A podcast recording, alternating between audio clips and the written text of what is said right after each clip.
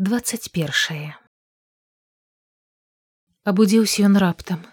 Трывожна радасным намаганнем волі схамянуўся ад думкі што заснуў і даў знікнуць са свайго жыцця чамусьці надзвычай вялікаму і радаснаму.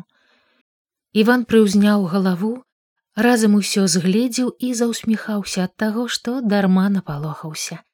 Нічога не знікла не прапала нават не прыснілася як здалося ў пачатку Упершыню за шмат год ява была шчаслівейшая за самы радасны сон. Джулія ляжала ніцма, спакойна паклаўшы павернутую на бок галаву на выцягнутую траве руку і спала. Дыханне яе, аднак, не было мерным і роўным, як у сонных людзей. Часам яна замірала, нібы прыслухоўвалася да чагось.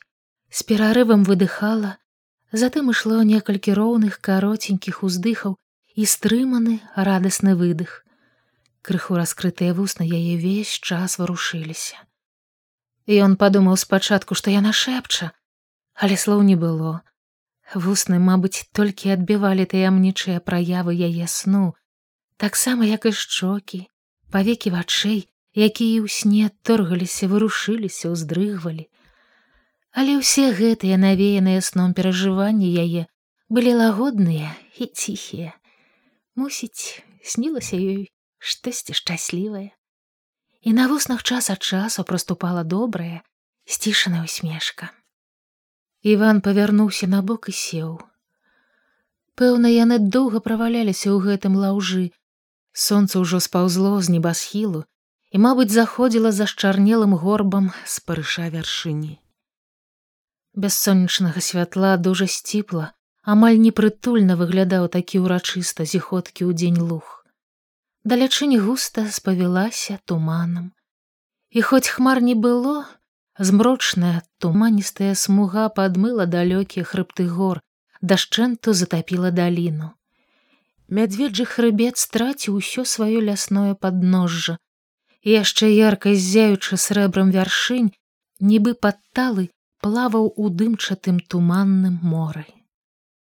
Гэта было апошняе развітальнае святло незвычайнага і нечаканага як узнагарода сённяшняга іванавага дня. На бляклым небасхіле ў далечыні ўжо запалілася і ціха гарэла адзінокая самотная зорка. Ён зноў павярнуўся да Джуліі. Мусіць, трэба было паднімацца ісці, Але яна спала так соладка, так бездапаможна знясілена, што ён проста не адважыўся парушыць гэты такі патрэбны ёй сон. Ён пачаў прагна глядзець на яе рухавы і ў сне твар. Так быццам упершыню бачыў яго. Цяпер пасля ўсяго, што між імі сталася, кожная яе усмешыстая рыса, кожны рух набывалі свой паглыблены сэнс хацелася пазіраць так бясконца уважліва пазнаваць пачуццём зманлівую таямніцу чалавечай душы наперакор усяму ён адкрыў у ёй неспадзяванае сціпла і радаснае і здаецца ледзьве не захлынуўся быў у той сваёй першай хмельнасці цяпер праўда хмельнасць крыху апала выраўнялася але затое адчуванне шчаслівасці стала яшчэ большее і ягоны недаверак голас змоўк назаўжды. Наогул ён быў проста дурань што так доўга сумняваўся ў гэтым чысцейшым і мусіць самым бескарыслівым у свеце стварэнні. Спасцігшы тое цяпер ён не кратаючыся як на чароўную таямніцу прыроды глядзеў і глядзеў на яе. Маленькае чалавечае дзіва гэтак позна і радасна адкрыта ім у жыцці і не адчуваў у сабе ні пагарды да яе нічагось брыдкага. Было толькі нешта ціхае добрае яно да краёў напаўняла яго пяшчотай. А яна ўсё спала прынікшы да шырокіх грудзей зямлі. Варушыліся трапяталіся яе тоненькія ноздры і маленькая чырвоная багоўка задуменна паўзла па яе рукаве. Яна выпаўзла са складкі, растапырыла крыльцы, але не паляцела бы, перадумала, папаўзла далей. Ён асцярожна скінуў багоўку, беражлівым дотыкам паправіў на дзяўчынінай шыі перакручана на чорным шнурку крыжык. Яна ўсё не прачыналася, толькі трошкі перапыніла дыханне. Тады ён паправіў на яе спіне загорнуты край курткі і усміхнуўся. Хто б мог падумаць, што яна за два дні стане для яго тым, чым не стала ніводная свая суайчынніца. Запалоніць яго душу такі здаецца самы няздатны для таго час. Хіба мог ён прадбачыць, што ў сваіх чацвёртых уцёках, ратуючыся ад пагібелі, гэтак нечакана напаткае першае сваё каханне. Як усё зблытана, перакручана, перамешана на гэтым свеце. Невядома толькі, хто перамяшаў тое. Інакш як бы атрымалася вось гэта у палоне, на парозе смерці, з чужой нязнанай дзяўчынай, чалавекам другога свету. Што б сказалі хлопцы, калі б даведаліся пра такія падрабязнасці ягоных уцёкаў. Падумаў ён і гэтая думка непрыемна ўразіла яго. Куды як нялёгка было адказаць на такое пытанне. Але Івана не трэба было вучыць пра маце ў адносінах да сябе. Хлопец лёгка уявіў суровы, незадаволены твар галадая. Той, пэўна, не дапусціў бы ніякага кахання. Галадай заўжды ведаў, чаго хацеў, і быў няўхільны ў сваіх намерах. Мусіць, не пахваліў бы яго і жук, які насіў у сабе занадта вялікую злосць на фрыцаў, каб апраўдаць нейкае там каханне на шляху да помсты. Янушка, напэўна, зважыў бы, не лаяў. Мусіць, памкнуўся б вытлумачыць усё маладосцю, але ў душы таксама ці апраўдаў бы. Не дараваў бы праўда па другой прычыне і дахадзяга срэбнікаў.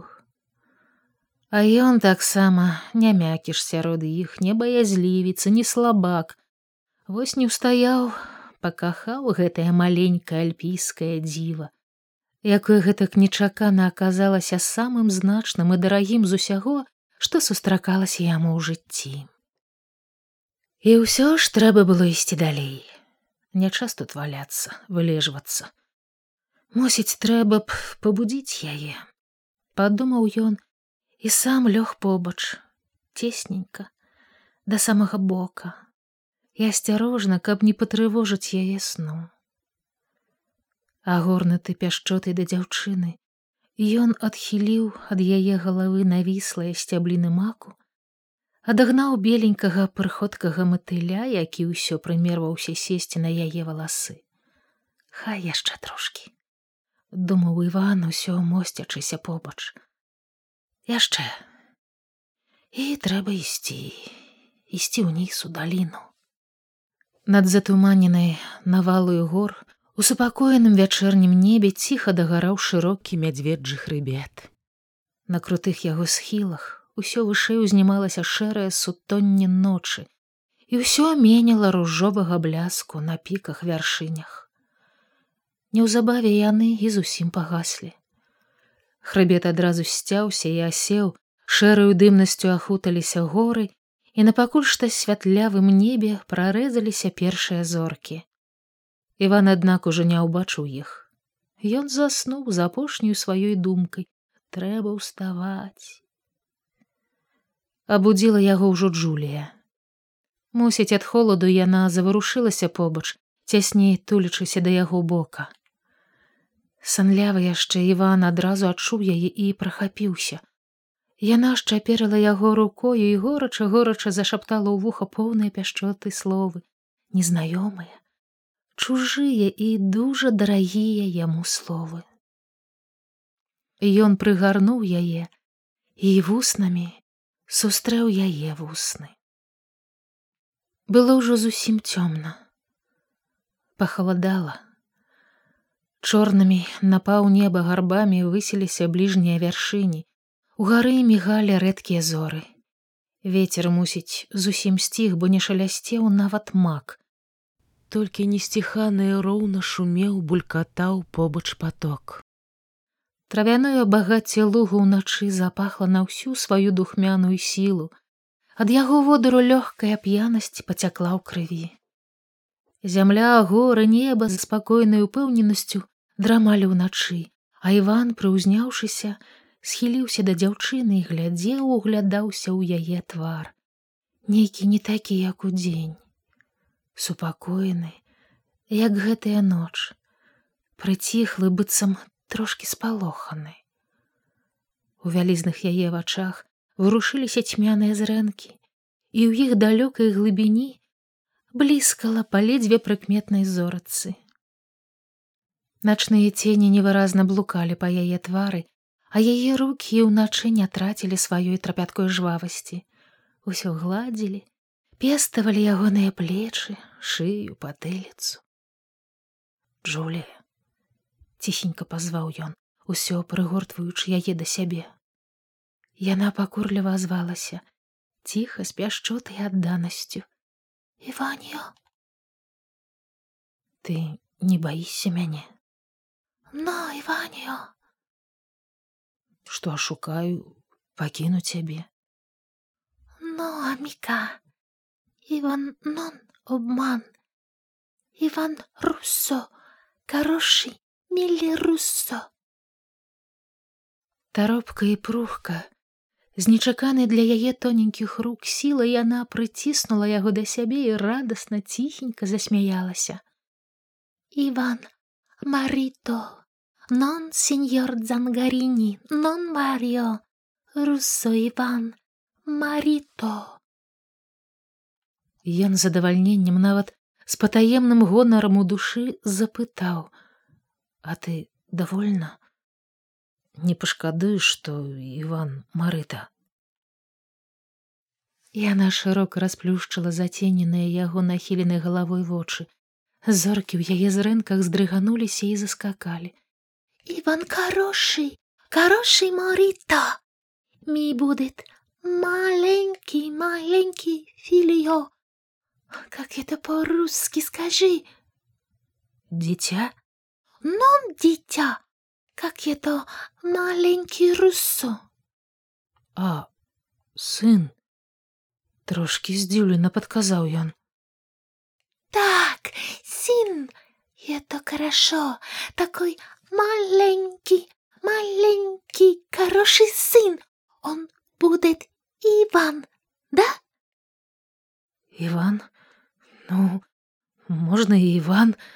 Пахадзіўся ён, зірнуўшы па-над ёю чорную далячынь хрыбта і ўздыхнуў. Яна прыціхла нешта думаючы. Абое на хвіліну змоўклі, кожны ўвайшоў у свет сваіх думак. А навокал ціха ляжалі горы. Скупа блізкалі рэдкія зоркі. Чорнай непрагляднай аблогай накрыўся макавы луг. Было ціха ціха толькі шумеў вераваў поток але ён не парушаў цішыні і івану здавалася што ў цэлым свеце іх толькі трое яны і поток у апошніх яе словах штосьці было клапотнае Яно сагнала з іванавага твару усмешку. Страціўшы жартоўную лёгкасць, ён набрыў на штось труднае і сур'ёзнае ў сабе. І, мабыць, упершыню убачыў яшчэ адзін паваротак у іх дужа няпростых адносінах. А Джулія наадварот, надумаўшы штось, неўзабаве прахапілася ад радасці і зноў сціснула яго ў сваіх абдымках. Іваніо! Иваню хорошо. Как это хорошо. Филио. Син. Маленький син. Пасля яна разняла руки, павярнулася ніц, зоркі зніклі з яе вачэй і твар цьмяна зашарэў у траве светлую плямай, на якой у глыбокіх ценях вачніц ледзьве прыкметна блішчалі вочы каротенькае захапленне яе змянілася нечаканым клопатам. Іваню, а где будем жить? Рома? Яна трошки подумала. Non Рома. Рома батика у вбёзе. Трієсто? Што раней часу загадваць, сказаў ён. О! раптам ціха ўсклікнула яна. Джулія знат. Мі будем жыць Росія, Беларусё, деревня Терешкі. Блізко, блізко, два озера, правда? Можа быць, што ж. Раптам яна нешта ўспомніла і насцярожылася. Тэрэшкі кольхоз? Калгас Джулія. А што? Іванё, плохо кольхоз. Нічога, калі-небудзь палепшае, не век жа ўсё дрэннаму быць.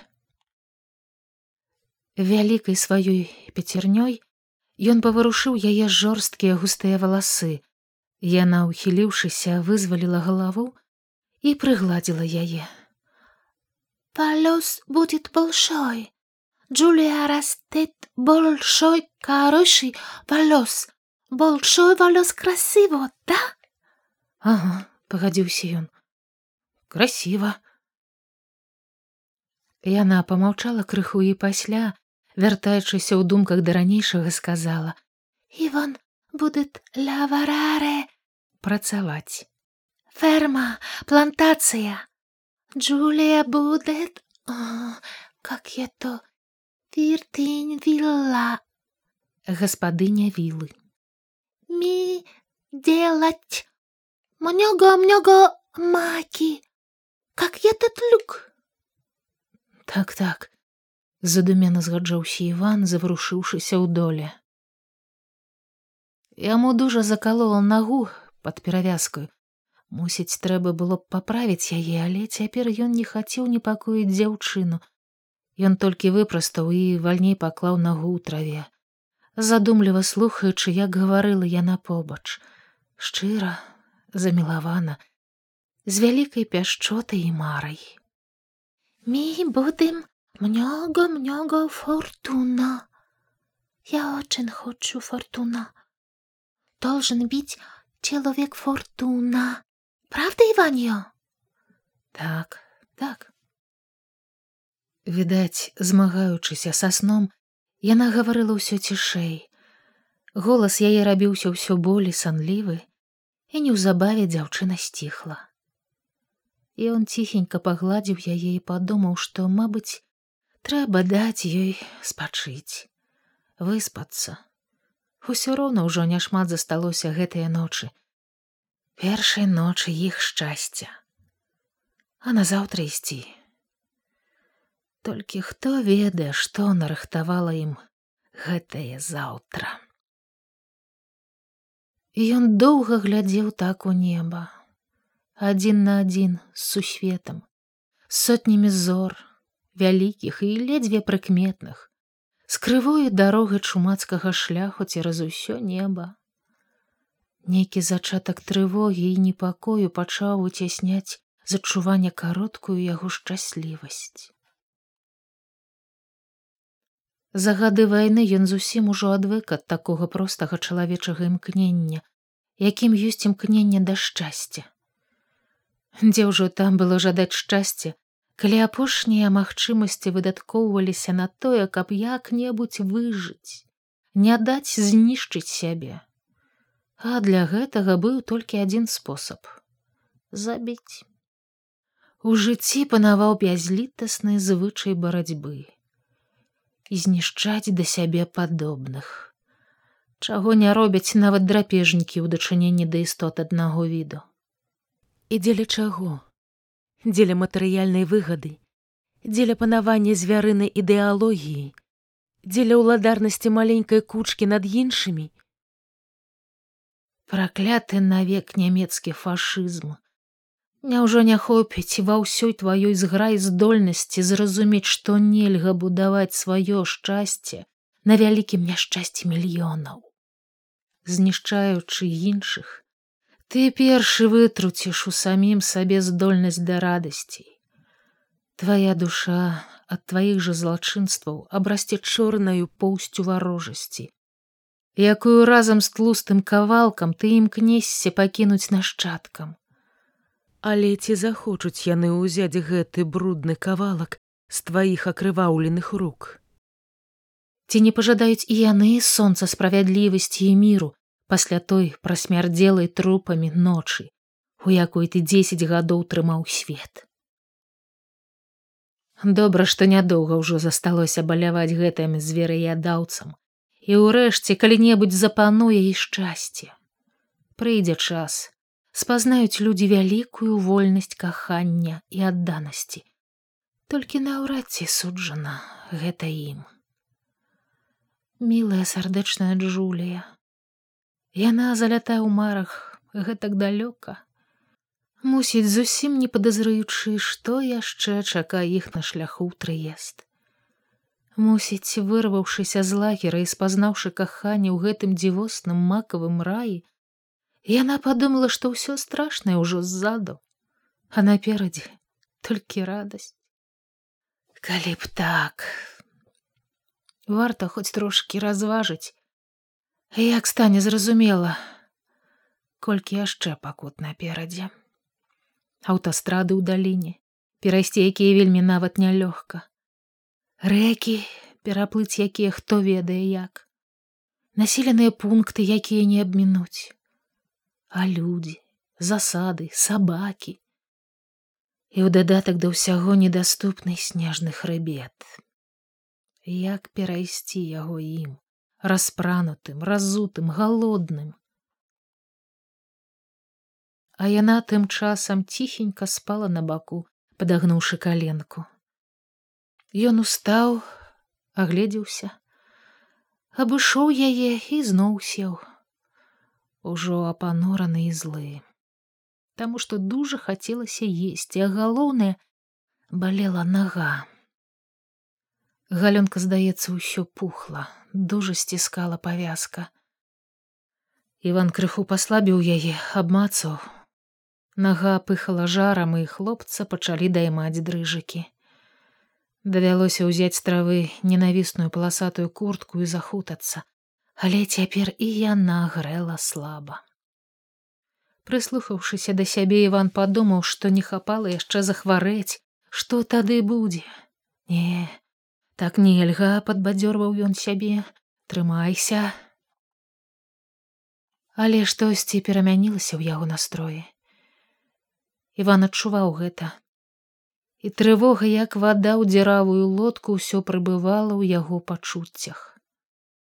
Добра што джулі нічога кепскага бадай не адчувала і соладка спала. Ён таксама сеў побач босыя ступні свае захінуў палою скуранкі якую прыкрыў яе і стаў пазіраць у ноч неўзабаве яго пачало хіліць на сон дакучала мернае бульканне потоку Мабыць, ужо на світанні ён не ўтрымаўся і не ўпрыцям задрамаў, уткнуўшы твар у калені.